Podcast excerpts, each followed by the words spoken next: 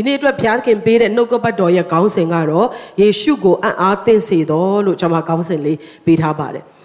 တချို့သောအမှုကိစ္စတွေမှာကျမတို့မလုံနိုင်တဲ့အရာကိုလူတယောက်ကလှုပ်ပြတယ်ဆိုရင်ကျမတို့ကတိတ်ပြီးတော့အံ့ဩကြတယ်ချီးမွမ်းကြတယ်ဟာဒီတယောက်သချင်းဆိုတာတိတ်တော်တာပဲเนาะဒီတယောက်ကအားကစားလုပ်တာအယမ်းတော်တာပဲဒီတယောက်ကစာတိတ်တော်တယ်ဆိုပြီးတော့ကျမတို့ကအမြင့်သောအရက်မှာရောက်လာတဲ့ချိန်တော့မဟုတ်ထူးချွန်ပြီးတော့ပျောင်မြောက်ပြီးတော့ပေါ်ထွက်လာတဲ့လူပုဂ္ဂိုလ်တွေကိုချီးမွမ်းကြတယ်ချီးကျူးကြတယ် ဆိုတော့ကျွန်တော်တို့တွေကလေးလေးရစနော်လူတိုင်းကဘာလို့လိုချင်လဲဆိုတော့လူတွေရဲ့အထင်ကြီးခြင်းလူတွေရဲ့လေးမြတ်လေးစားခြင်းချီးမြှောက်ခြင်းကိုလူတိုင်းလိုချင်တယ်ကလေးလေးတွေဆိုလဲအာရန်တော်တယ်ရန်တော်တယ်ဆိုတော့သူတို့ကသူတို့လုံနိုင်တဲ့အရာကိုသူတို့ကစူးစမ်းပြီးတော့လုပ်ပြကြတဲ့သဘောတဘာဝရှိတယ်ဆိုတော့ဒီ လကိုမဝင်ခင်လေးမှာကုန်ခဲ့တဲ့တပတ်လောက်ကစပြီးတော့ကျွန်မဘာကိုစဉ်းစားလဲဆိုတော့ဖျားသခင်ကကျွန်မတို့ကိုကြည့်ပြီးတော့နော်ဘယ်အရာအတွက်များသူကအံ့ဩပြီးတော့ဝမ်းမြောက်ပြီးတော့ကျွန်မတို့ကိုချီးကျူးမလဲဆိုတာစဉ်းစားတဲ့အခါမှာတော်တော်လေးစဉ်းစားရခက်တော့အရာဖြစ်ပါတယ်ဥပမာကျွန်မကနော်လူတယောက်တချင်းဆိုတာကိုအာနေတချင်းဆိုတာအရန်တော်တယ်လို့ကျွန်မကချီးကျူးမယ်ဆိုရင်တော့ဝမ်းတော့မနေဘူးဒါပေမဲ့အရန်ကြီးလဲဝမ်းတာခြင်းမှဝမ်းတာမှာပေါ့ဘာလို့လဲဆိုတော့ကျွန်မကတချင်းမှမဆိုတတ်တာနော် ဒါမဲ့လည်းအဲ့ချိန်မှာတချင်းဆိုတိတ်တော်တဲ့ဥမာဆရာဆံပြီးလို့လူတယောက်ကဟာခမရတချင်းဆိုတာအရန်တော်တယ်လို့ပြောရင်နော်ဟာဆရာတော်ငါ့ကိုချီးမွမ်းတယ်နော်ဆိုဒီ home visit ကျွန်တော်တို့သွားတဲ့ချိန်မှာတယောက်ကပြောတယ် तू တချင်းဆိုတဲ့ချိန်မှာတဲ့ဆက်ဆံပြီးကသူ့ကိုမျက်စောင်းလေးနဲ့လှမ်းကြည့်တယ်တဲ့သူဆိုတာကောင်းလို့ဖြစ်မယ်တဲ့နော်ဆိုတော့ တော်တယ်လို့ကျွန်တော်တို့ခံယူတဲ့ပုံကိုတယောက်ကအဲ့ဒီနယ်ပယ်မှာ तू ကျွမ်းကျင်တဲ့နယ်ပယ်မှာကျွန်တော်တို့လှုပ်လိုက်တဲ့အရာတခုကို तू ချီးကျူးတယ်ဆိုရင်ဒါကဂုံယူစရာကောင်းတယ်တကယ်လဲတော်လို့ဖြစ်မယ်လို့ကိုယ့်ဟာကိုကျေနပ်ကြတယ်နော် ဥမာတချင်းဆိုပြိုင်ပွဲတွေမှာဆိုရင်လဲအာဒိုင်လူကြီးတွေကအာရန်တော်တယ်မင်းတချင်းဆိုတာကဘလို့အတန်ကဘလို့ရှိတယ်စာသားကိုဘလို့ဆိုနိုင်တယ်အတန်ကိုဘလို့ထိန်းနိုင်တယ်စသဖြင့်တခုပြီးတခုချီးကျူးလာရင်အရန်ကွက်တဲ့ကိုနော်စိတ်ထဲမှာကျေနပ်မှုအားရမှုရှိကြတယ်ဆိုတော့ခုနကပြောသလိုပဲတစ်ဖက်ကနေပြန်ကြည့်ပြန်ရင်လဲနော်ကိုအရန်ကျွမ်းကျင်တဲ့နယ်ပယ်မှာမတောက်တစ်ခေါက်နဲ့လာလို့ရင်လေမချီးကျူးတဲ့အပြင်တခါတလေအရန်အောင်စိတ်တိုးတဲ့အချိန်ရှိတယ်နော် ဆိုမနေပဲနေရင်ပိုကောင်းတာနော်တချင်းမဆိုပဲထိုင်နေလိုက်ရင်ပိုကောင်းပါပဲနော်ကျိုးရဆိုသူကအင်္ဂလိပ်စကားအရန်ကျွမ်းတယ်မတောက်တစ်ခေါက်နဲ့နော် yes no နဲ့တက်လာရင်လေကောင်းတာကိုခောက်ချင်တာနော်ဒီတယောက်မတော်ပဲနဲ့ဘာလို့ရှောက်ပြောနေရလဲမသိဘူးဘာစပိတ်နေပိုကောင်းတယ်နော် တိတ်ပြီးတော့မချက်တက်တဲ့ဟင်းမချက်တက်တဲ့လူတယောက်ကဟင်းနေချက်ပြီးတော့အာငံတဲ့ဟာငံတူးတဲ့ဟာတူလာကျွေးရင်ဘယ်သူမှမချီးမွမ်းဘူးเนาะလူကကိုကျွမ်းကျင်တဲ့ကိုပိုင်နိုင်တဲ့ကိုက perfect ဖြစ်တဲ့ကိုက qualify ဖြစ်တဲ့နေရာမှာအရေးချင်းမပြည့်မီပဲနဲ့တက်လာရင်လက်မခံခြင်းဘူးချီးမွမ်းဖို့နေနေတာတာနော်သူ့ရဲ့အမားကိုထောက်ပြဖို့သူ့ရဲ့အားနည်းချက်ကိုပြောပြဖို့ရာအတွက်ဝင်မလေးသောသူတွေဖြစ်တယ်ကျွန်တော်တို့က ဒါဆိုရင်အရာအလုံးပြည့်စုံတဲ့ဘုရားရှင်မှာကျမတို့အသက်ရှင်တဲ့အခါဘုရားကကျမတို့ကိုကြည်ပြီးမင်းသိတော်တယ်လို့ပြောဖို့ကတော့တော်တော်ခက်မဲ့အနေထားမှာရှိတယ်နော်ကျမတို့ဘလောက်ပဲတချင်းဆိုတော်တော်ဘလောက်ပဲကျမတို့ကတရားဟောကောင်းကောင်းဘလောက်ကြီးပဲကျမတို့မှာအစွမ်းတက်တီတွေပဲရှိရှိဘလောက်များတဲ့ငွေပမာဏကိုဘုရားကိုပဲလူလူဘုရားရဲ့ယင်ကိုတော့ခုံစေမှာမဟုတ်ဘူးဘုရားကိုစိတ်လှုပ်ရှားစေမှာမဟုတ်ဘူး ဖခင်ကချီးမွမ်းဖို့အတွက်လောက်ထိကျမတို့ရဲ့အရေးချင်းကမပြည့်မီဘူးဆိုတာเนาะအခုတော်တော်ကျမကိုကိုကိုကြည့်တဲ့အခါမှာခံစားရတော့ရာဖြစ်တယ်ဒါဆိုရင်အရာကသိန်းကိုဖန်ဆင်းတဲ့ဖခင်တကောအားလုံးနဲ့ပြည့်တော်ဖခင်ခသိန်းသောအရာတို့ကိုတက်ဆွမ်းနိုင်သောဖခင်အရေးချင်းအားလုံးရှိသောဖခင်ကိုအောစေနိုင်သောကျမတို့အသက်တာထဲမှာရှိနေတဲ့ ဖန်ဆင်းရှင်ဘုရားကိုဖန်ဆင်းခံလူသားဖြစ်တဲ့ကျမတို့ကဘယ်အရာအားဖြင့်ကျမတို့အသက်တာအံ့ဩစေနိုင်မလဲဘုရားကကျမတို့ကိုကြည်ပြီးဟာသိကောင်းတာပဲလို့ချီးကျူးစေမယ့်အရာကဘာဖြစ်မလဲဆိုတာစိတ်ဝင်စားစရာအင်မတန်ကောင်းပါတယ်တခါတလေမှာကျမတို့ကပတ်စံအများကြီးလူနိုင်ရင်ဘုရားသိပြီးတော့ခြေနဲ့အားရမယ်လို့ထင်တယ်ဒါပေမဲ့ငွေကြေးအားလုံးကိုဖန်ဆင်းတာကဘုရားဖြစ်တယ် တခါတလေမှာကျွန်တော်ရဲ့အရေးချင်းဥမာ worship ဥဆောင်နေဟာအရင်ရောက်တယ်ပေါ့နော်ဒါ worship လူတွေကမျက်ရည်နဲ့မျက်ခွက်နဲ့ဒါဆိုရင်တော့ဟာဘုရားကတော့ငါ့ကိုသိပြီးတော့တော်တယ်လို့ချီးကျူးမှာပဲဒီနေ့ငါလှုပ်တာဘုရားကတော့တော်တော်လေးကိုဟို impress ဖြစ်မှာပဲလို့ကျွန်တော်တို့ထင်တယ်တကယ်တော့ကျွန်တော်တို့လှုပ်ဆောင်နိုင်တဲ့အရာတွေအားလုံးကဘုရားစီကလာတာဖြစ်တယ်နော်အရာအားလုံးကဖခင်ကအရင်မြစ်ဖြစ်တဲ့ခါမှာတိတ်ပြီးတော့ထူးခြားပြီးတော့အော်ဝမ်းသာချီးကျူးစရာအကြောင်းတော့တိတ်မရှိဘူးနော်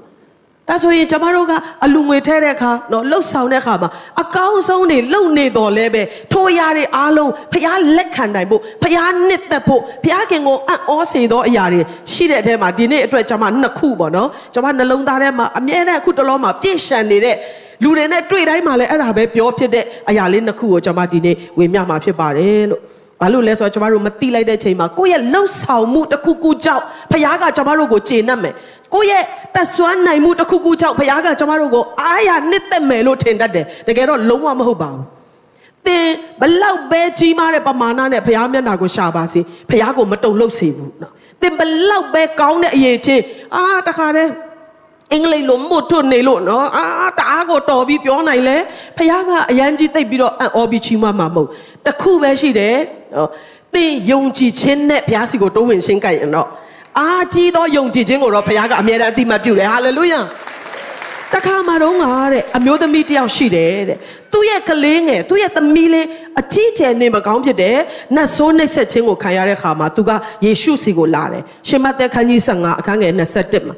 ယေရှုသည်ထိုရမထွက်၍တူရုမျိုးနှင့်ဇီးတုံမျိုး၏ကျေးလက်သို့ကြွတော်မူလေခါနန်အမျိုးဖြစ်သောမိန်းမတစ်ယောက်သည်ထိုနယ်ဆက်မှထွက်လာ၍ဒါဝိဒ်သားတော်ရှင်ကျမကိုတနာတော်မူပါကျမ၏သမီးသည်နှဆိုးနှိပ်ဆက်ခြင်းကိုပြင်းစွာခံရပါသည်ဟုဟစ်ကြော်တော်လဲစကားတခုမျှပြန်တော်မမူ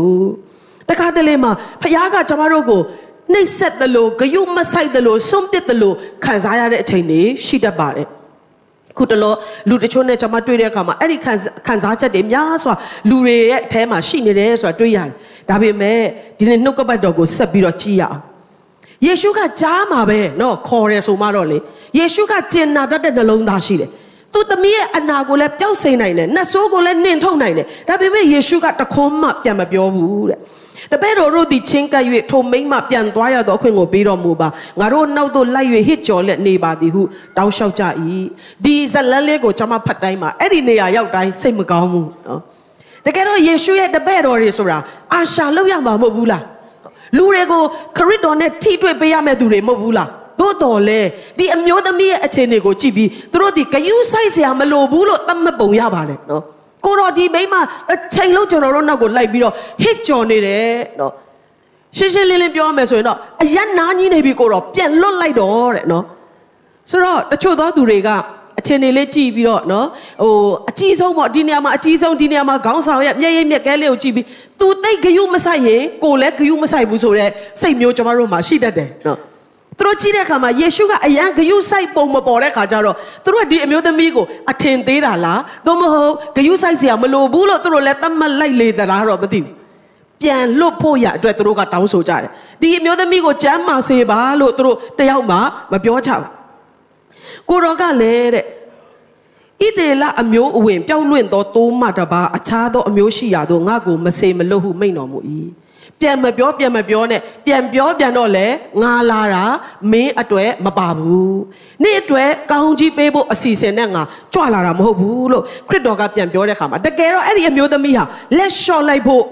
ပြန်လဲ့သွားဖို့ဘာမှဆက်ပြီးတော့ခရစ်တော်စီကနေမမျော်လင့်တော့ဖို့အခြေအနေမှာရှိတယ်ထိုမိမသည်ချင်းကပ်၍ပြတ်ဝတ်လျက်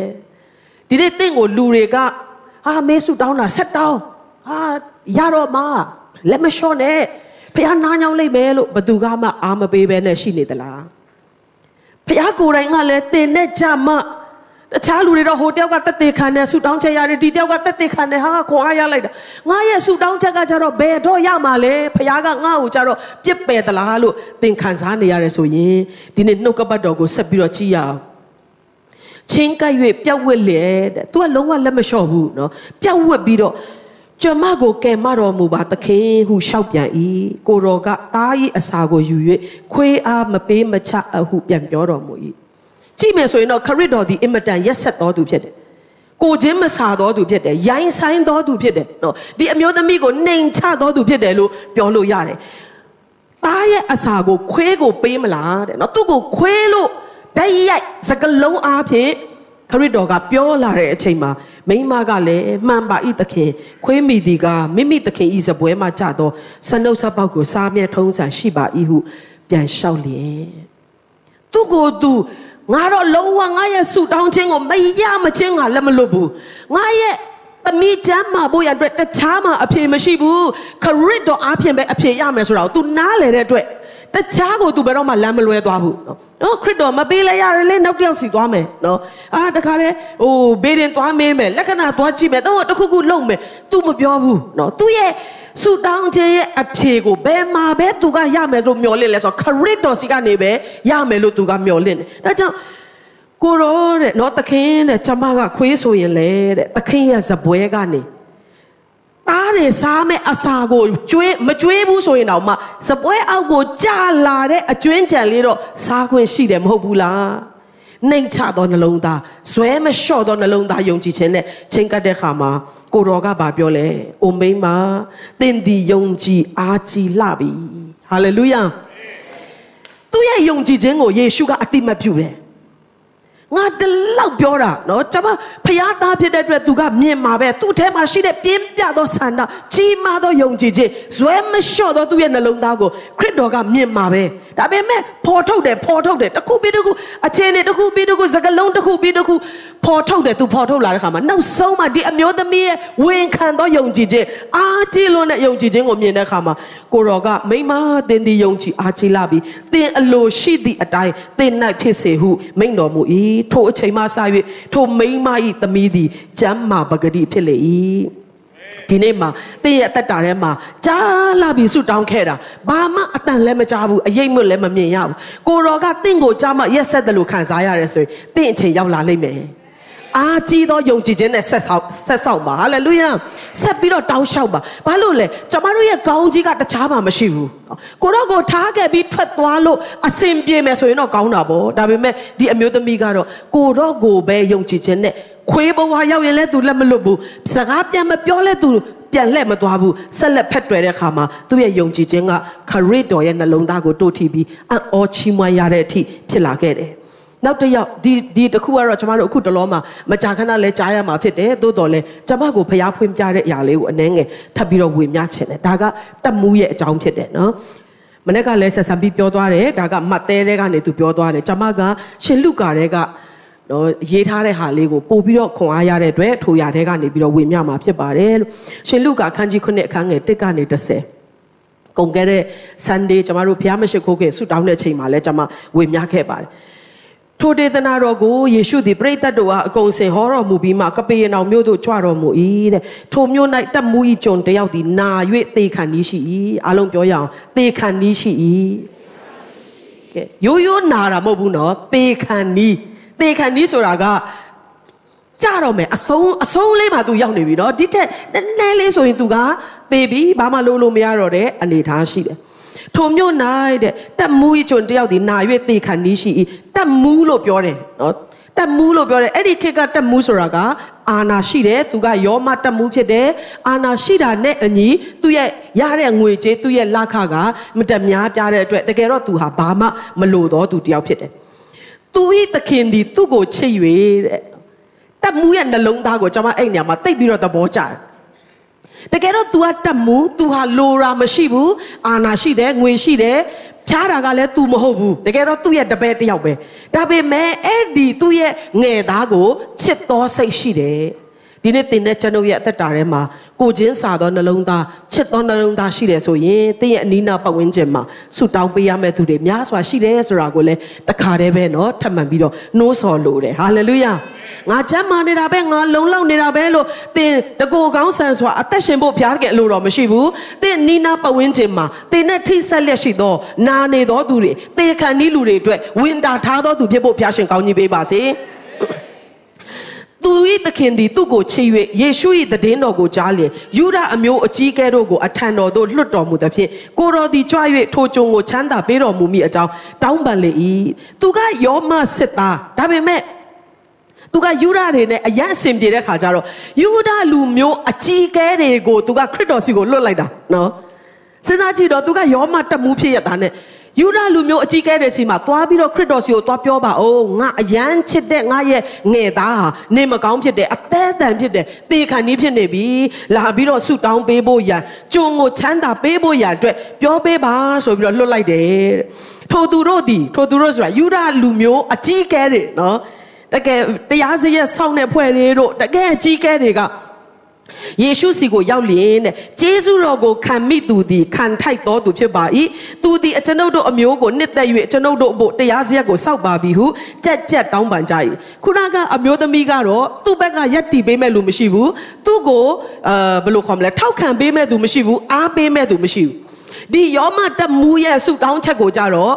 ယူဒလူမျိုးအကြီးကဲတွေကိုတိုင်ကယေရှုစီမှာသွားပြီးတော့အခုကျွန်တော်တို့ဆုတောင်းပေးတော့အခုကျွန်တော်တို့အကူအညီတောင်းနေတော့သူဟာဂျေဇုခံထိုက်တော်သူဖြစ်ပါတယ်တဲ့နော်သူတို့ရဲ့တတ်မှတ်ချက်ပေါ့ဆိုတော့လောကမှာတော့လူတွေရဲ့တတ်မှတ်ချက်ကြောင့်ကျွန်တော်တို့စိတ်တမကြဖို့လိုတယ်ဟာလေလုယာ တချို့သောသူတွေကတင့်ကိုဆုတောင်းရင်တော့မှနားကြီးတဲ့တောင်းမနေနဲ့လို့ပြောကောင်းပြောလိမ့်မယ်တချို့သောသူတွေကတော့ဟာဒီလူကတော့ဂျေစုခံထိုက်တဲ့လူပဲလို့သတ်မှတ်ကောင်းသတ်မှတ်လိမ့်မယ်ဒါပေမဲ့ဘယ်လိုပဲသတ်မှတ်ပါစေထိုအရာကခရစ်တော်ကိုမလှုပ်ရှားစေပါဘူးเนาะဆိုတော့ဂျေစုတော်ကိုခံထိုက်တော်သူဖြစ်ပါတယ်တဲ့သူဒီကျွန်ုပ်တို့အမျိုးကိုနှစ်သက်၍ကျွန်ုပ်တို့ဖို့တရားစရက်ကိုတောင်မှစောက်တယ်တဲ့เนาะဆိုတော့ဒီယူဒ ယောမတက်မူကြီးကအင်မတန်နှလုံးသားလှတော်သူဖြစ်တယ်ယူဒလူမျိုးတွေကိုလည်းချစ်တော်သူဖြစ်တယ်သူတို့အတွက်တရားစရက်တွေကိုတောင်မှစောက်လုပ်ပေးတော့အမြဲတမ်းကျေးဇူးပြုတော်ပုဂ္ဂိုလ်တယောက်ဖြစ်တဲ့ခါမှာသူ့ရဲ့ဆုတောင်းချက်သူ့ရဲ့အကူအညီတောင်းခြင်းကိုယူဒလူမျိုးအကြီးအကဲတွေကခရစ်တော်စီကိုသွားပြီးတော့ပြောပေးကြတယ်ဆိုတာကိုကျွန်တော်တို့တွေ့ရတယ်ကြက်ကြက်တောင်းပန်တယ်တဲ့ကိုတော့လုတ်ပါအဲ့ဒီ တရားအဲ့ဒီတမူးကအင်မတန်သဘောကောင်းတာနော်ကိုတော့မသိလို့ကျွန်တော်တို့ပုံမှာဆိုရင် तू ကအမြဲတမ်းနော်ဂျေစုပြုတယ်အမြဲတမ်းကျွန်တော်တို့ကိုမာစာတယ်တရားစရက်တောင်မှဆောက်ပေးတယ်အခု तू ကတောင်းခိုင်းတာသူကတကယ်ဂျေစုခံထိုက်တော်သူဖြစ်တယ်သူကဒီအနာရောဂါငြိမ်းခြင်းနဲ့ထိုက်တန်တော်သူဖြစ်တယ်ဒါကြောင့်ဒါကြောင့်သူ့ရဲ့ငယ်သားအတွက်ဆုတောင်းတယ်ကိုတော့လာပါဆုတောင်းပေးပါဆိုပြီးတော့သူ့ကိုယ်စားကြက်ကြက်ယေရှုကိုသွေးဆောင်ကြတယ်တဲ့ ယေရှုသည်ထိုသူတို့နှင့်အတူကြွတော်မူ၏ယေရှုကလည်းမငြင်းဘူးတမူးအိမ်နှင့်မနီးမဝေးရောက်တော်မူသောအခါတမူးသည်မိမိအဆွေတို့ကိုစေလို့၍ကျွန်မစဉ်းစားကြည့်တဲ့အခါမှာသူအိမ်ကနေထိုင်ပြီးတော့စဉ်းစားမှာပေါ့နော်ဟာသွားပြီးတော့ယေရှုကိုပြောပေးကြပါအောင်နော်ငါရဲ့ငယ်သားလေးအနာရောဂါငြိမ်းဖို့ဒါပေမဲ့ယေရှုကြွလာတော့မယ်ဆိုတာသူကြားတဲ့အခါမှာသူကထိုင်ပြီးတော့စဉ်းစားပါလိမ့်မယ်နော်သူတွေးတဲ့အရာတွေကသူ့ရဲ့နှုတ်ကနေထပ်ပြီးတော့ထွက်လာတယ်သူကဘာပြောလဲဆိုတော့ မနီးမဝဲကိုရောက်တဲ့အခါမှာတက်မှုသည်မိမိအဆွေတို့ကိုစေလို့ရသခင်ကိုကိုပင်ပန်းစေတော်မမူပါနဲ့အကျွန်ုပ်၏အိမ်မိုးအောက်သို့ကြွဝင်တော်မူခြင်းကျေးဇူးကိုအကျွန်ုပ်မခံထိုက်ပါယူဒလူမျိုးအကြီးကဲတွေရတော့မှဒီလူကတော့ဂျေစုခံထိုက်တော်သူဖြစ်တယ်ဒီလူကတော့လူကောင်းဖြစ်တယ်ဒီလူကတော့ဘုရားရဲ့ကောင်းကြီးနဲ့ထိုက်တန်တော်သူဖြစ်တယ်လို့ပြောနေပေမဲ့သူကသူ့ကိုယ်သူဘယ်လိုမြင်လဲဆိုတော့ကျွန်တော်ကကိုတော်ကိုယ်တိုင်ကြွလာရလောက်အောင်မထိုက်တန်တော်သူဖြစ်ပါတယ် ထို့အတူကျွန်ုပ်ဒီကိုတော်ထံသို့ရောက်ထိုက်တော်သူမဟုတ်သည်ကိုကျွန်ုပ်ထင်ပါပြီအမိန်တော်တခွန်းရှိလျင်ကျွန်ုပ်၏ငယ်သားချမ်းသာရပါလိမ့်မည်အားလုံးယေရှုပြည့်လိုက်ဆိုရအောင်အမိန်တော်တခွန်းရှိလျင်ကျွန်ုပ်၏ငယ်သားသည်ချမ်းသာရပါလိမ့်မည်ဟာလေလုယာ သူ့ရဲ့ယုံကြည်ခြင်းတော့သူ့ရဲ့ယုံကြည်ခြင်းဒါနဲ့သူစဉ်းစားတဲ့ຢာကိုသူထပ်ပြီးတော့ပြောတယ်ဥပမာကတဲ့ကျွန်ုပ်ဒီမင်းအောင်နဲ့ကြုံခံတော်သူဖြစ်တော်လဲစစ်သူရဲများကိုအုပ်ဆိုး၍ဆိုလိုတာကျွန်တော်အမြင့်ဆုံးတော့မဟုတ်ဘူးတဲ့နော်ကျွန်တော်တဲ့တာ၍မြင့်တော်သူအောက်မှာကျွန်တော်အလုံးလုံးတော်သူဖြစ်ပေမဲ့ကျွန်တော်အောက်မှာကြုံခံတော်သူတွေကိုကျွန်တော်ကားတဲ့နော်သွားလို့ပြောရင်သူတို့သွားတယ်တဲ့လာဆိုရင်သူတို့လာတယ်တဲ့နော်ဒီဟာကိုလှုပ်ဆိုရင်ကျွန်တော်ပြောတဲ့အတိုင်းသူတို့လှုပ်တယ် ထိုစကားကိုယေရှုသည်ကြားတော်မူလျင်အံ့ဩခြင်းရှိ၍ဟာလေလုယာဟာလေလုယာတမူးရဲ့ယာဒုကယေရှုကိုမအံ့ဩစေပါဘူးတမူးရဲ့ပိုင်ဆိုင်ခြင်းကယေရှုကိုမအံ့ဩစေပါဘူးသူလောက်ခဲ့တဲ့ကောင်းမှုကုသိုလ်တရားစရဲ့ဆောက်ခြင်းတွေကယေရှုကိုမအံ့ဩစေပါဘူးသို့တော်လဲတမူးရဲ့ယုံကြည်ခြင်းကတော့ယေရှုကိုစပြီးတော့ကင်လှုပ်လာတယ်ဟာလေလုယာ ဟာလေလုယာယေရှုသည်ကြားတော်မူလေအံ့ဩခြင်းရှိ၍နောက်တော်၌လိုက်တော်လူများကိုလှည့်ကြည့်လေငါဆိုသည်ကဤမြလောက်သောယုံကြည်ခြင်းကိုဣသေလအမျိုး၌ပင်ငါမတွေ့ဘူးသေးဟုမိန့်တော်မူ၏တမှုစေလို့တော်သူတို့သည်အိမ်သို့ပြန်ရောက်လေအနာရောဂါဆွဲသောကျွန်သည်ကျမ်းမာလျက်ရှိသည်ကိုတွေ့ကြ၏ဒီနေရာမှာတမှုရဲ့ယုံကြည်ခြင်းကိုအနှဲငယ်လေးကျွန်တော်တို့သင်ခန်းစာယူဖို့ရန်အတွက်ထပ်မံပြီးတော့နှိုးဆော်ခြင်းတယ် သူကဘာကိုယုံကြည်တယ်လဲဆိုတော့ဖခင်ရဲ့စကားတော်ကိုယုံကြည်တာဖြစ်တယ်။ तू ထိုင်ပြီးတော့စဉ်းစားတယ်ငါကတာဝန်ရှိတယ်အာဏာရှိတယ်။သွားလို့ပြောရင်သွားတယ်လာလို့ပြောရင်ငါရဲ့ကျွန်တွေကလာတယ်။ဒါဆိုရင်ဖခင်ကအမြင့်ဆုံးသောဖခင်ဖြစ်တယ်။အခွင့်တကောအာဏာနဲ့ပြည့်သောပုဂ္ဂိုလ်ဖြစ်တယ်။ तू ကပြောရင်ပြောတဲ့အတိုင်းဖြစ်မယ်လို့ယုံကြည်သောယုံကြည်ခြင်းကိုယေရှုကအံ့ဩလျက်ချီးမွမ်းတာဖြစ်တယ်။ ဟာလေလုယာဒီနေ့ကျွန်မတို့ယုံကြည်သူတွေကယုံကြည်တယ်လို့ပြောပေမဲ့ကျွန်မတို့ယုံကြည်တဲ့အရာကိုပြန်လည်ဆန်းစစ်ဖို့လိုတယ်တခါတလေမှာခံစားချက်ကိုယုံကြည်တယ်တခါတလေမှာအခြေအနေကိုယုံကြည်တယ်တခါတလေမှာဖျားစကားကိုယုံကြည်တယ်လို့လို့ရှိပေမဲ့ကျွန်မတို့ယုံကြည်ခြင်းကအာကြီးသောယုံကြည်ခြင်းခရစ်တော်ကိုအံ့ဩစေသောယုံကြည်ခြင်းမဖြစ်တတ်ဘူးဒီနေ့ကျွန်မတို့ယုံကြည်ရမှာကခရစ်တော်ရဲ့ဖခင်ရဲ့စကားမှာအာနာရှိတယ်ဆိုတာကိုယုံကြည်ဖို့အတွက်ဖြစ်တယ်ဟာလေလုယာ ထပ်ပြီးတော့ပြောချင်တယ်နော်တမှုရဲ့ယုံကြည်ခြင်းကဘာလဲဆိုတော့ဖခင်ကပြောတာငါတို့လည်းပြောတာပဲသူလည်းပြောတာပဲမဟုတ်ပဲဖခင်ပြောသောစကားကအာနာနဲ့ပြောတာဖြစ်တယ်အရာခတ်သိန်းကနားထောင်ရမယ်ဆိုတာကိုယုံကြည်သောတမှုရဲ့ယုံကြည်ခြင်းကိုခရစ်တော်ကအံ့ဩချီးမွမ်းတာဖြစ်တယ်ဒီနေ့ကျမတို့ဂိုင်နေတဲ့ဘုရားရဲ့နှုတ်ကပတ်တော်ကပြောတဲ့အတိုင်းဖြစ်တယ်အာနာနဲ့ authority နဲ့ပြည့်သောဘုရားစကားဖြစ်တယ်ဆိုတာကိုယနေ့ဘယ်နှယောက်ကယုံကြည်တယ်လဲ hallelujah hallelujah hallelujah သင်ယုံကြည်ရမှာကဘုရားရဲ့စကားကပြောတဲ့အတိုင်းဖြစ်တယ်ဆိုတာကိုယုံဖို့ပဲဖြစ်တယ်အာမင်ဟာလေလုယာဒီနေ့ကျမကဘာမှအစွမ်းတတ္တိမရှိဘူးကျမကဘာတကိုးမှမရှိဘူးမိတ်ဆွေမှာအစွမ်းတတ္တိရှိတယ်လို့ခံစားရင်လေဖျားရှေ့ရောက်တဲ့ခါမှာဒိုင်လူကြီးရှေ့မှာတချင်းပြိုင်တဲ့လူထက်တောင်မှပိုဆိုးတယ်ကျမတို့ကိုဖျားကအအော်ချီးမွမ်းစရာအကြောင်းတခုမှမရှိဘူးကျမတို့ရဲ့ချင်းတွေအားလုံးကသူပေးထားတာ ဒါပေမဲ့ကျမတို့ရဲ့ယုံကြည်ခြင်းကိုမြင်တဲ့ခါမှာတော့ဖျားကအံ့ဩတယ်တလောက်ကြီးတဲ့ယုံကြည်ခြင်းတဲ့ဣသေလလူမျိုးမှာတော့ငါမတွေ့ဘူးသေးဘူးဒီနေ့ချစ်ရသောအာမိသားစုဝင်များ online ကနေကြည့်နေသောသူများထက်ခါထက်ခါပြောချင်တယ်ဖခင်ရဲ့နှုတ်တော်ထွက်စကားကဖြစ်စေနိုင်သောတကူနဲ့ပြည့်တာဖြစ်တယ်ဖခင်ရဲ့နှုတ်တော်ထွက်စကားမှာ authority ရှိတာဖြစ်တယ် ဖခင်ရဲ့နှုတ်တော်ထွက်စကားကအခွင့်အာဏာနဲ့ပြည့်သောစကားဖြစ်တယ်ဖခင်ကဖြစ်စေလို့ပြောရင်ဘယ်အရာကမှစီတာလို့မရဘူးဖြစ်လာတာဖြစ်တယ်ဟာလေလုယာဟာလေလုယာဘုရားကနေဖြစ်စေလို့ပြောတဲ့အခါမှာမရှိဘူးသေးသောနေကထွက်လာတာဖြစ်တယ်ဖခင်ကအလင်းဖြစ်စေမောင်မိုက်ဖြစ်စေ तू ပြောတဲ့အရာတိုင်းကဘာမှမရှိသေးတဲ့လွတ်လပ်လာတဲ့ကနေတစ်ခုပြီးတစ်ခုပေါ်ထွက်လာရတာဖြစ်တယ်။ ဒါကြောင့်ကျမ်းစာကိုယုံကြည်တဲ့အခါမှာနှုတ်ကပတ်တော်ကသင်သည်ကျမ်းမာသောသူဖြစ်တယ်လို့ပြောရင်အဲ့ဒီနှုတ်ကပတ်တော်ထဲမှာကျမ်းမာစေနိုင်သောအခွင့်တကုအာဏာပါလာပြီလို့သင်ယုံကြည်တဲ့အခါမှာအဲ့ဒါကအားကြီးသောယုံကြည်ခြင်းဖြစ်တယ်။ဟာလေလုယာ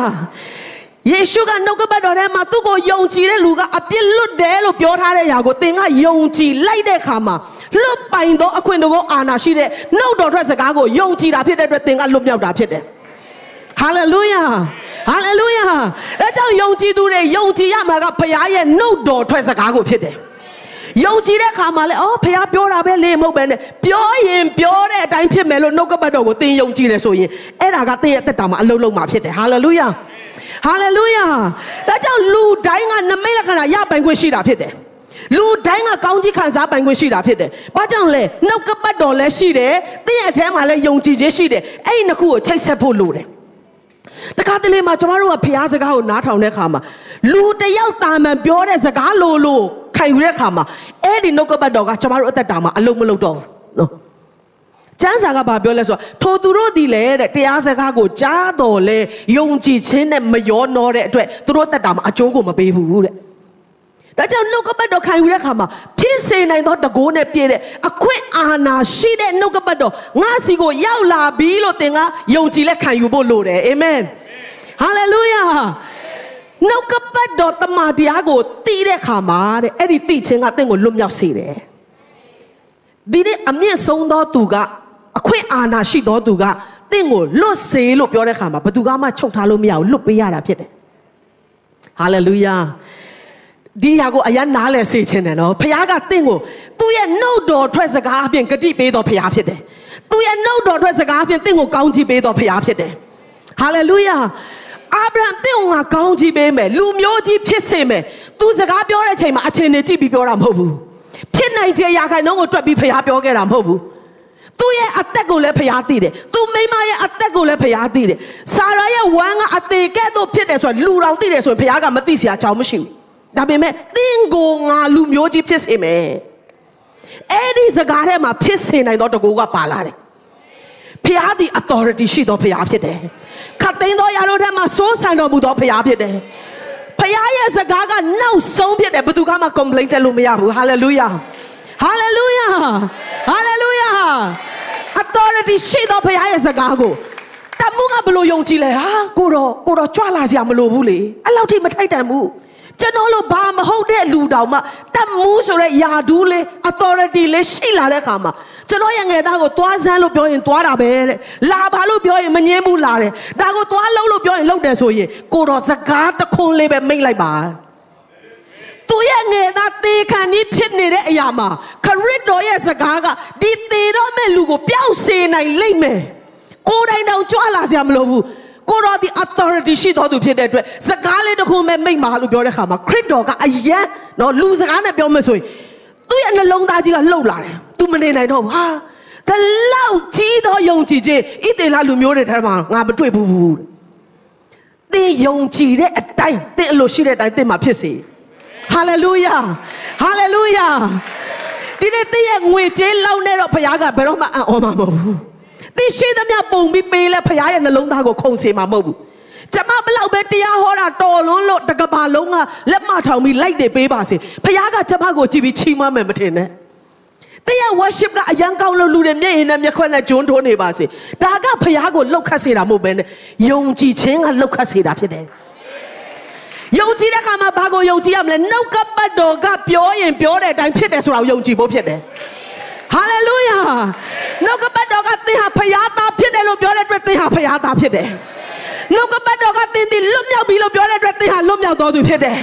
နှုတ်ကပတ်တော်ကသင်ဟာတန့်ရှင်းတယ်လို့ပြောတဲ့အတွက်သင်ကတန့်ရှင်းတာဖြစ်တယ် ဒီနေ့သမီးလေးကစမ်းစာဆိုသွားတယ်ငါတို့ကိုအပြစ်စီရင်မဲ့သူကဘာတူလဲဖြောင်းမရ၌တီးစေသောသူကဘာတူလဲကိုတော်ကသင်ကိုဖြောင်းမှတ်တယ်လို့ပြောတဲ့အတွက်သင်ကခတ်တီတီနဲ့ငါဖြောင်းမှတ်တယ်လို့ပြောပိုင်ခွင့်ရှိတာဖြစ်တယ်ဘာကြောင့်လဲ authority ရှိသောဘုရားကပြောတယ်သင်ကငါကောင်းချီးပေးမယ်ဆိုတဲ့စကားကိုယုံကြည်ဖို့ရန်အတွက်ကျွန်တော်တို့ကဘာလုပ်လဲကိုယ်ချင်းတွေကိုကြည့်တယ်ကိုယ့်ရဲ့အိတ်ကက်ကိုကြည့်တယ်ကိုယ့်ရဲ့ဖြစ်နိုင်ခြင်းရခိုင်နှုန်းတွေကိုတွက်တယ်ဖခင်ကအဲ့ဒါကိုယုံကြည်ခြင်းလို့မသတ်မှတ်ပါဘူး तू ပြောရင်ပြောတဲ့အတိုင်းဖြစ်စေတော့ဖခင်ဖြစ်တယ်ဟာလေလုယာအနားမှာရှိတဲ့လူကိုယေရှုပြုပြောပေးပါဖခင်စကားမှာ authority ရှိတယ်လို့ပြောရအောင်လာဇရုပုတ်ပွားနေပြီသင်ချိုင်းထဲမှာ၄ရက်တောင်မှရှိနေပြီလူအနေနဲ့လူတိုင်းကစဉ်းစားရင်သိတယ်ပြောပြောပေမဲ့နော်မဖွင့်တော့နဲ့ကိုတော့သူ့ရဲ့အမတွေကတောင်မှကိုတော့မဖွင့်တဲ့လူတွေကိုအရန်အားနာစရာကောင်းတယ်သင်ချိုင်းကိုဖွင့်လိုက်ဒီအချိန်ဆိုပုတ်နေပြီနတ်နေပြီလို့ပြောတယ် တေပြီးသားလူပြန်လဲရှင်ပြန်ထားမြောက်ဖို့ကိုတော်ကတခြားအရာတစ်ခုခုနဲ့ထပ်ပြီးတော့နော်အာငါဒီလိုလုံးမဟိုလိုလုံးမဟိုဟာလေးရှိမှဒီဟာလေးရှိမှမပြောဘဲနဲ့ကိုတော်ကဘာပြောလဲသင်ချိုင်းဝင်သင်ချိုင်းဝမှာသွားပြီးတော့ကြောက်တုံးကိုဖယ်ခိုင်းပြီးတော့လာစီကိုထွက်ခဲ့အဲ့ဒီယေရှုရဲ့စကားကသေတော်သူကိုပြန်ရှင်စေတာဖြစ်တယ် ဖခင်ရဲ့စကားမှာ authority ရှိတယ်ဆိုတော့သင်ယုံကြည်တယ်ဆိုရင်သင်ရဲ့ယုံကြည်ခြင်းကိုခရစ်တော်ကအံ့ဩပြီးတော့ချီးမွမ်းတာဖြစ်တယ်ဖြစ်နိုင်ခြင်းရှိမှယုံတာကယုံကြည်ခြင်းမဟုတ်ဘူး hallelujah hallelujah ဖခင်ကပြောတယ်ဆိုရင်ဖခင်ကအမိန့်တော်တစ်ခုရှိတယ်ဆိုရင်သင်နေသောငါရဲ့ခန္ဓာကိုယ်ကပြန်ရှင်လိမ့်မယ်သင်နေသောငါရဲ့ခြင်းတွေကပြန်ပြီးအလုံးလုံးလာလိမ့်မယ် hallelujah hallelujah hallelujah သောစကားတော်တဲ့လက်ခုပ်တီးပြီးတော့ဖခင်ကိုချီးမွမ်းရအောင် authority authority နော်ဖခင်မှာအခွင့်အာဏာရှိတယ်ဆိုတာကျွန်တော်တို့မမေ့ဖို့လိုအပ်တယ် တမှုရဲ့ယုံကြည်ခြင်းကိုဖခင်ကဘာကြောင့်ချီးမွမ်းတယ်လဲဘာကြောင့်အံ့အားသင်ရတယ်လဲဣသေလလူမျိုးတွေထဲမှာတော့မတွေ့ဘူးတဲ့ယုံကြည်ခြင်းဖြစ်တယ်လို့တကူးတကနှုတ်ကနေဘာကြောင့်ချီးကျူးရတယ်လဲမြင်ရခဲသောယုံကြည်ခြင်းကဘာလဲဆိုတော့စကားတော်ထဲမှာဖခင်ရဲ့စကားတော်ထဲမှာရှိတဲ့ဖြစ်နိုင်သောဖြစ်စေနိုင်သောအခွင့်အရေးအာဏာကိုယုံကြည်ခြင်းဖြစ်တယ်။တခါမှာခရစ်တော်နဲ့တပည့်တော်တွေလမ်းလျှောက်လာ။သင်မောတဖန်ပင်ကိုတွေ့တယ်။ အတီးတီးသောအချိန်ဖြစ်တဲ့အတွက်အတီးတော့စားရမှာပဲလို့ကြည့်တဲ့အချိန်မှာသင်မောတဖန်ပင်မှာအတီးတစ်ခုမှမတွေ့ဘူး။ခရစ်တော်ကဗာပြောလဲအခုကစနောက်တစ်ခါဘယ်တော့မှအတီးမတီးနဲ့တော့ဒါကဖခင်ရဲ့စကားနော်နှုတ်ကပတ်တော်ကိုကျွန်တော်တို့ထိုကဲ့သို့နားလည်ဖို့အရန်ရေးကြည့်တယ်။တမန်ကျမ်းစာဒီစာအုပ်တော့မဟုတ်ဘူး။ဖခင်ရဲ့စကားဒီလူတယောက်ယောက်ကကြုံတယ်လို့ပြောတဲ့စကားမဟုတ်ဘူး။ဖခင်ကဖြစ်စေဆိုရင်ဖြစ်တယ်။ ဖခင်ကဒီအရာကတင့်စီကိုရောက်လာမယ်နော်လို့ဂတိပေးထားတယ်ဆိုရင်ယုံကြည်ပါ။ရောက်ကိုရောက်လာမှာဖြစ်တယ်။ဖခင်ကတင့်ကိုငါကောင်းချီးပေးမယ်ဆိုတဲ့စကားမှာကောင်းချီးရှိတာဖြစ်တယ်။ဟာလေလုယာ။ဟာလေလုယာ။ဒါနဲ့သူတို့ကသွားကြတယ်။သွားပြီးနောက်ပြန်လာတဲ့ချိန်မှာယေရှုကငါပြောတော့ပြောလိုက်တာပဲအပင်ကဘလို့နေလဲမသိဘူးလက်မကြည့်ဘူးတန်တရားမရှိဘူးနော်ဒါနဲ့တပည့်တော်တွေကကြည်ရင်ချင်းနဲ့ပေတူးကတွေ့တဲ့ခါမှာကိုတော့ မနေ့ကမတ်မိလားကိုတော့ဒီအပင်ကိုပြောခဲ့တာလေနောက်တစ်ခါဘယ်တော့မှအသီးမသီးနဲ့လို့ကိုတော့ပြောခဲ့တဲ့တစ်ပင်ဟာအမြစ်ကစပြီးတွေးချောင်းနေပါလားတအန်တော်နဲ့ခရစ်တော်ကိုပြောတဲ့ခါမှာယေရှုကဗာပြောလဲငါအမှန်ကန်ဆိုဒီကသင်ဒီယုံမားသောစိတ်မရှိဘဲနဲ့ယုံကြည်ခြင်းအပြည့်ပါလျက်ဤတောင်ကိုနေရာကနေရွှေ့ပါပင်လယ်မှာကြပါလို့ပြောရင်ထိုသူဆိုတဲ့အတိုင်းဖြစ်လိမ့်မယ်ဟာလေလုယာဟာလေလုယာ ဟာလေလုယာယုံကြည်သောသင်တဲ့ကျွန်ုပ်ကဘာကိုယုံရမလဲခရစ်တော်ရဲ့နှုတ်တော်ထွက်စကားတိုင်းမှာ authority ရှိတယ်အဲ့ဒါကိုသိတဲ့စာတန်းကတစ်ချိန်လုံးကျမတို့ကိုနှုတ်ကပတ်တော်ရဲ့ဗျောင်းပြန်အမြဲတမ်းသွေးဆောင်တယ်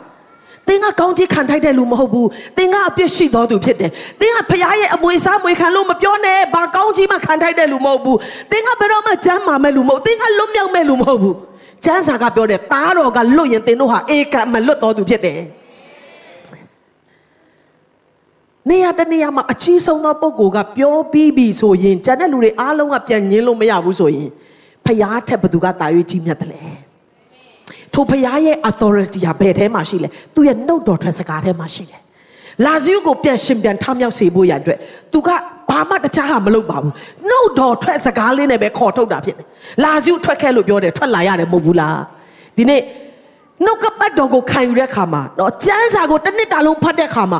ကျန်းစာဖတ်လိုက်အောင်မယ်အစားဆုံးပြီးအောင်နော်ဘာဇလန်နဲ့ပါလဲကြည့်ရအောင်နော်ဒါမှရှင်အမေးဖြေလောက်တဲ့အခါဖြေနိုင်အောင်မဟုတ်ပဲနဲ့ကိုတော့ပြောတဲ့စကားတိုင်းဟာငါရဲ့အသက်တာမှာဖြစ်စေနိုင်သောတကူနဲ့ရောက်လာမှာဖြစ်တဲ့အတွက်စိတ်ပါဝင်စားစွာယုံကြည်ခြင်းနဲ့ဖတ်ပါဒီနှစ်ကထူးခြားသောနှစ်ဖြစ်မယ်ဟာလေလုယာဟာလေလုယာနှုတ်ကပတ်တော်ရဲ့ပြင်ပကနေဖခင်ကဘယ်တော့မှအလုံးမလုံးပါဘူးဒါကြောင့် သင်ဖះကို impress ဖြစ်စေနိုင်တဲ့အရာသင်ကိုကြည့်ပြီးဖះကဂျေနပ်အားရရမယ့်အရာကသင်ရဲ့ရုပ်ရည်လည်းမဟုတ်ဘူးသင်ရဲ့အစွမ်းတတိလည်းမဟုတ်ဘူးသင်ရဲ့ငွေကြေးလည်းမဟုတ်ဘူးသင်ရဲ့ကောင်းမှုကုသိုလ်လည်းမဟုတ်ဘူးသင်ရဲ့ပေးကမ်းခြင်းလည်းမဟုတ်ဘူးသင်ရဲ့ယုံကြည်ခြင်းပဲဖြစ်တယ်အဲ့လိုပြောလို့ဘာမှမပေးရတော့ဘူးလားနော် worship ဦးဆောင်ရင်လည်းဖြစ်တယ်လို့ပဲလုပ်ရမလားမဟုတ်ဘူးကျမတို့ရဲ့အကောင်းဆုံးကိုပေးတဲ့အချိန်မှာယုံကြည်ခြင်းနဲ့ပေးဖို့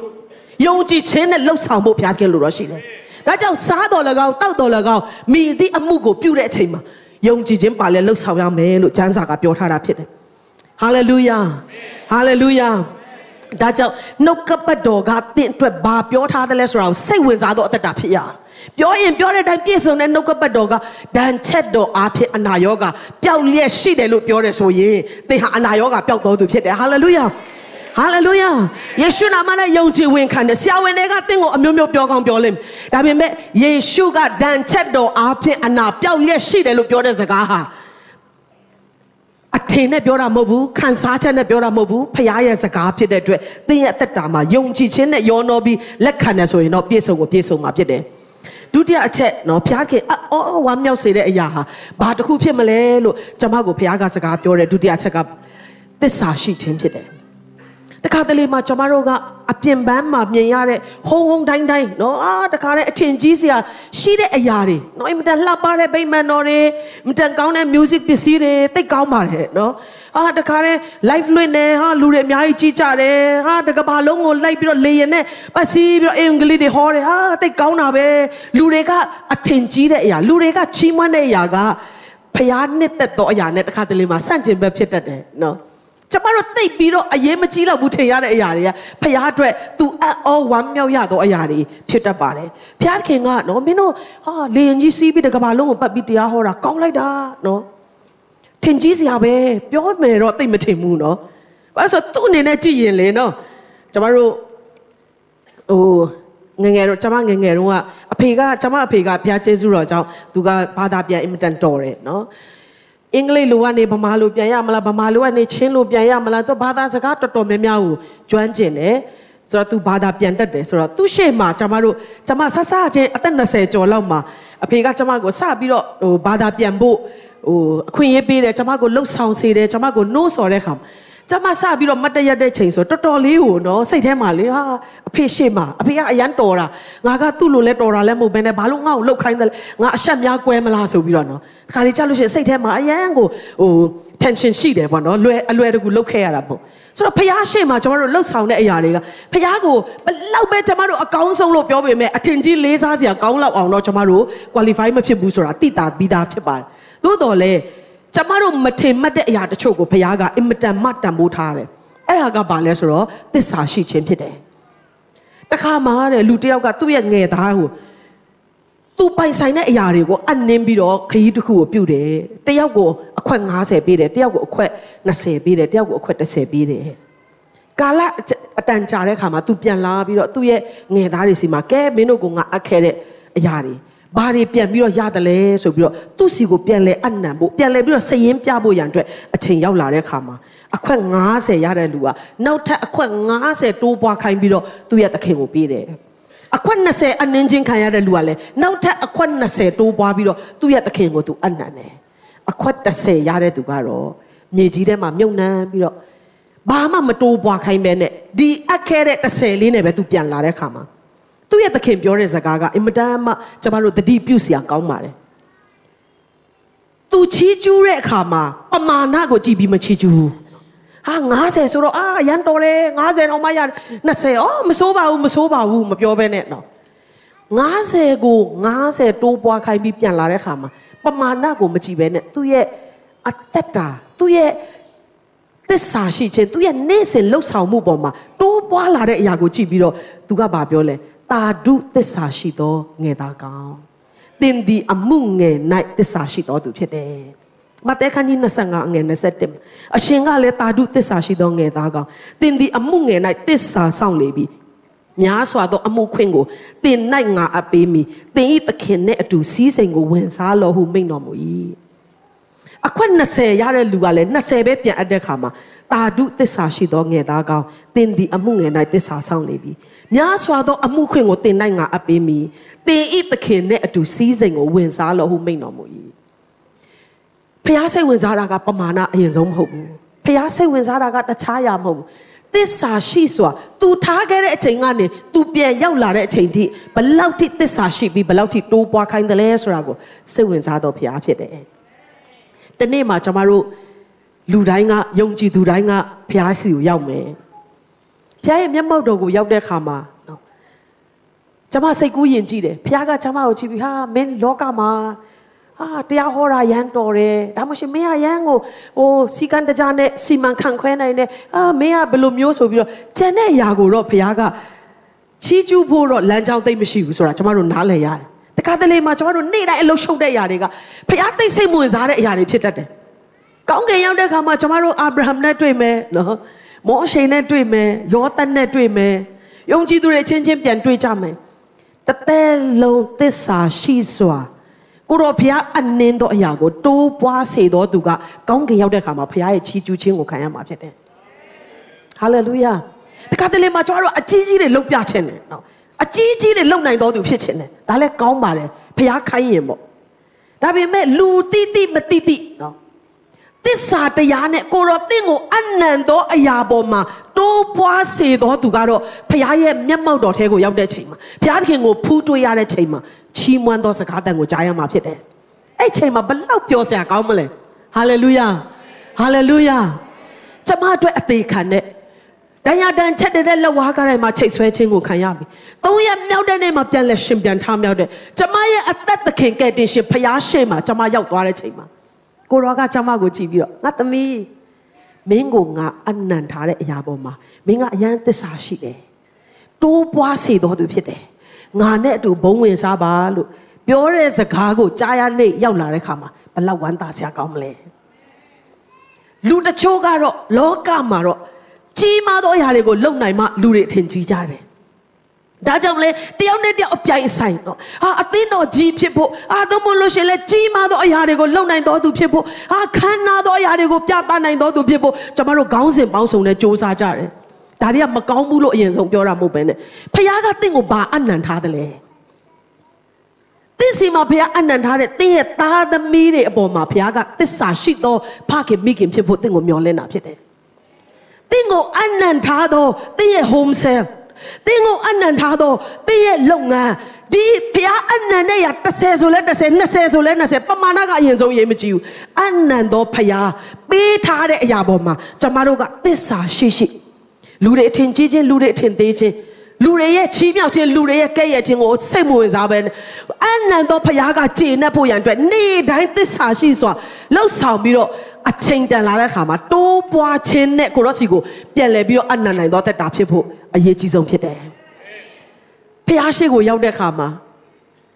စိုးညစ်တော်သူငါအပ်တဲ့အရာပေါ်မှာမင်းကသစ္စာမရှိပါလားလို့အပြောခံရရင်တော့တိတ်ပြီးတော့ဝမ်းနည်းစရာကောင်းတယ်